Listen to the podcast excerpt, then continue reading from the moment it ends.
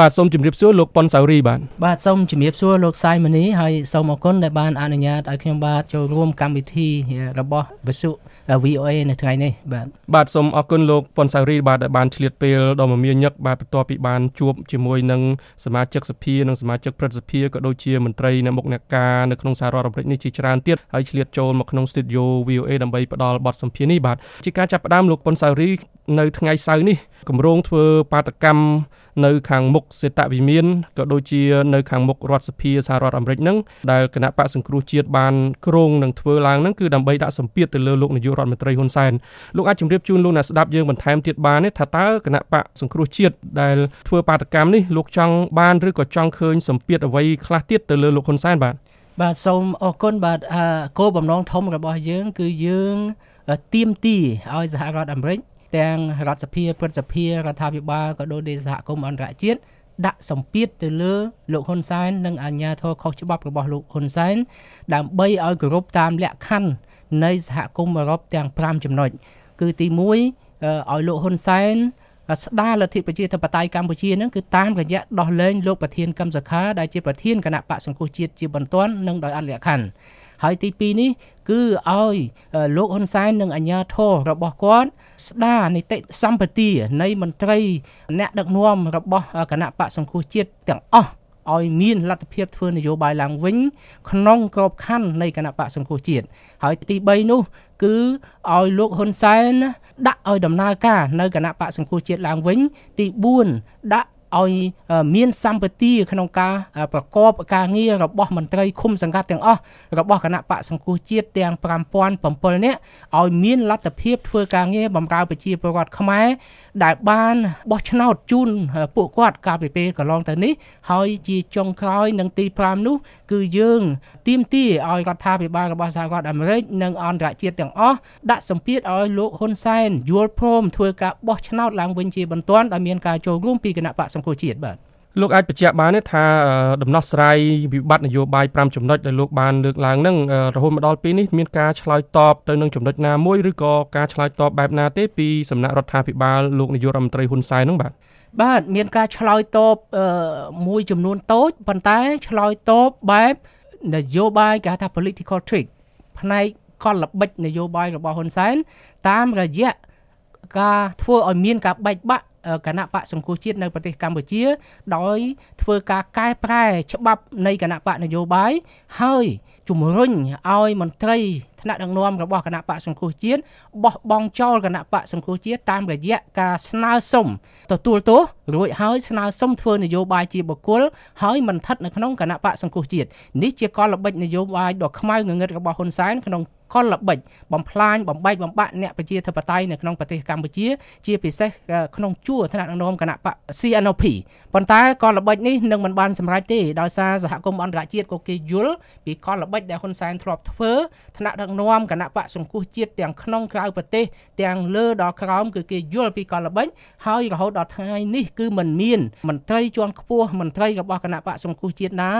ចូល ក្នុងលបែងនយោបាយដែលគូវិសដោយហ៊ុនសែនក្រៅពីលោកគង់គំនិងកូនរបស់គាត់ម្នាក់នៅក្នុងប្រទេសកម្ពុជានោះទេបាទបើសិនជាលោកនាយករដ្ឋមន្ត្រីហ៊ុនសែនមិនព្រមធ្វើតាមការទៀមទាទាំងអំបាលម៉ានដែលលោកបានលើកឡើងហ្នឹងតើគណៈបកសង្គ្រោះជាតិនឹងធ្វើអីទៀតបាទតាមដែលលោកអាចជម្រាបជូនលោកអ្នកស្ដាប់យើងឲ្យចំណុចជាក់ស្ដែងចំចំពីវិធានការឬក៏សកម្មភាពដែលគណៈបករបស់លោកនឹងធ្វើនោះបាទបាទសូមអរគុណហើយទីមួយយើងអត់ចាំលោកហ៊ុនសែន ធ្វើទេនៅពេលដែលសហគមន៍អឺរ៉ុបក៏ដូចជាអន្តរជាតិដាក់លក្ខខណ្ឌឲ្យលោកហ៊ុនសែន ក្នុងគណៈបកសង្គ្រោះជាតិក៏យើងចាប់ផ្ដើមធ្វើការងាររបស់យើងសស័កសសាមអញ្ចឹងគ្រាន់តែចាប់ផ្ដើមឆ្នាំ2019នេះភ្លាមយើងបានចាប់ផ្ដើមធ្វើការជាមួយនឹងរដ្ឋសភាព្រឹទ្ធសភារបស់សហរដ្ឋអាមេរិករដ្ឋាភិបាលក៏ដូចជាសេតវិមានដើម្បីផ្ដោតទៅលើចំណុចសំខាន់សំខាន់មួយចំនួនដើម្បីឲ្យសម្ពាធនយោបាយទៅលើលោកហ៊ុនសែននិងអាជ្ញាធរខុសច្បាប់របស់គាត់ដើម្បីវិលត្រឡប់ឲ្យស្ដារលទ្ធិប្រជាធិបតេយ្យនៅកម្ពុជាវិញទី1មានជាអាចនៅខាងសហគមន៍អឺរ៉ុបគឺយើងធ្វើការយ៉ាងចិត្តដិតជាមួយនឹងមន្ត្រីថ្នាក់ដឹកនាំរបស់សហគមន៍អឺរ៉ុបស្ដីអំពី EBA ក៏ដូចជាចំណាត់ការពាណិជ្ជកម្មខ្លះទៀត ដែលមានលក្ខខណ្ឌភ្ជាប់ជាមួយនឹងការគោរពសិទ្ធិមនុស្សនិងលទ្ធិប្រជាធិបតេយ្យនៅកម្ពុជាយើងឃើញកាលពីថ្ងៃម្សិលមួយថ្ងៃនេះសហគមន៍អឺរ៉ុបបានដកចេញនៅការរួចពួនផ្នែកការនាំអង្គពីប្រទេសកម្ពុជាដោយសារអំពើពុករលួយហើយទន្ទឹមនឹងគ្នានេះនៅសហរដ្ឋអាមេរិកដោយខ្ញុំមកពីថ្ងៃម្សិលមិញថ្ងៃនេះយើងជួបជាមួយសេតវិមានយើងជួបជាមួយរដ្ឋសភាព្រឹទ្ធសភាដើម្បី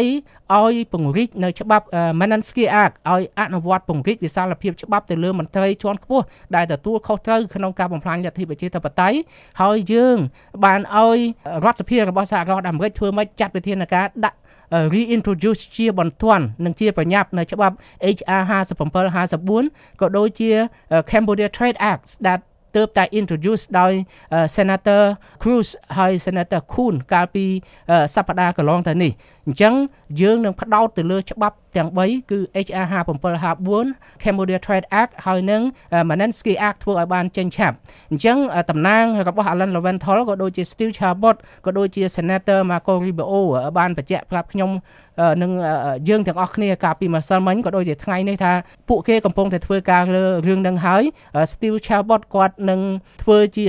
អ្នក sponsor ហើយនឹង chairman របស់ Foreign Relation Committee ថ្មី របស់រដ្ឋសភាអាមេរិក Eagle គាត់ធ្វើជា co-sponsor ហើយ Alan Leventhal ធ្វើជា co-sponsor របស់ HR 57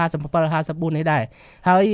យើងបានសនំពោឲ្យ Marco Rubio ហើយនិង Senator ដទៃទៀតធ្វើជា co-sponsor ឲ្យ Cambodia Trade Act របស់ Cruz ហើយនិង Senator Kuhn អញ្ចឹងសង្ឃឹមខ្ញុំបានបញ្ជាក់គេថាតើអាចច្បាប់នឹងអាចអនុម័តច្បាប់ឆាប់ឆាប់ទេគេប្រាប់ខ្ញុំថាគេនឹងធ្វើឲ្យបានឆាប់មិនដូចក្នុងឆ្នាំ2018ទេបាទ បាទសូមអរគុណលោកសាវរីបាទដែលបានបកស្រាយយ៉ាងក្បោះក្បាយបាទខ្ញុំមិនអាចមិនសួរបានទេបាទតាក់ទងទៅនឹងការបាក់បែកគ្នាផ្ទៃក្នុងនៃគណៈបកសង្គ្រោះជាតិហើយដែលគណៈបកនេះក៏បានព្យាយាមផ្សះផ្សាគ្នាកន្លងមកនេះតើលោកអាចបញ្ជាក់ជូនលោកអ្នកស្ដាប់យើងបានទេថារហូតមកដល់ពេលនេះ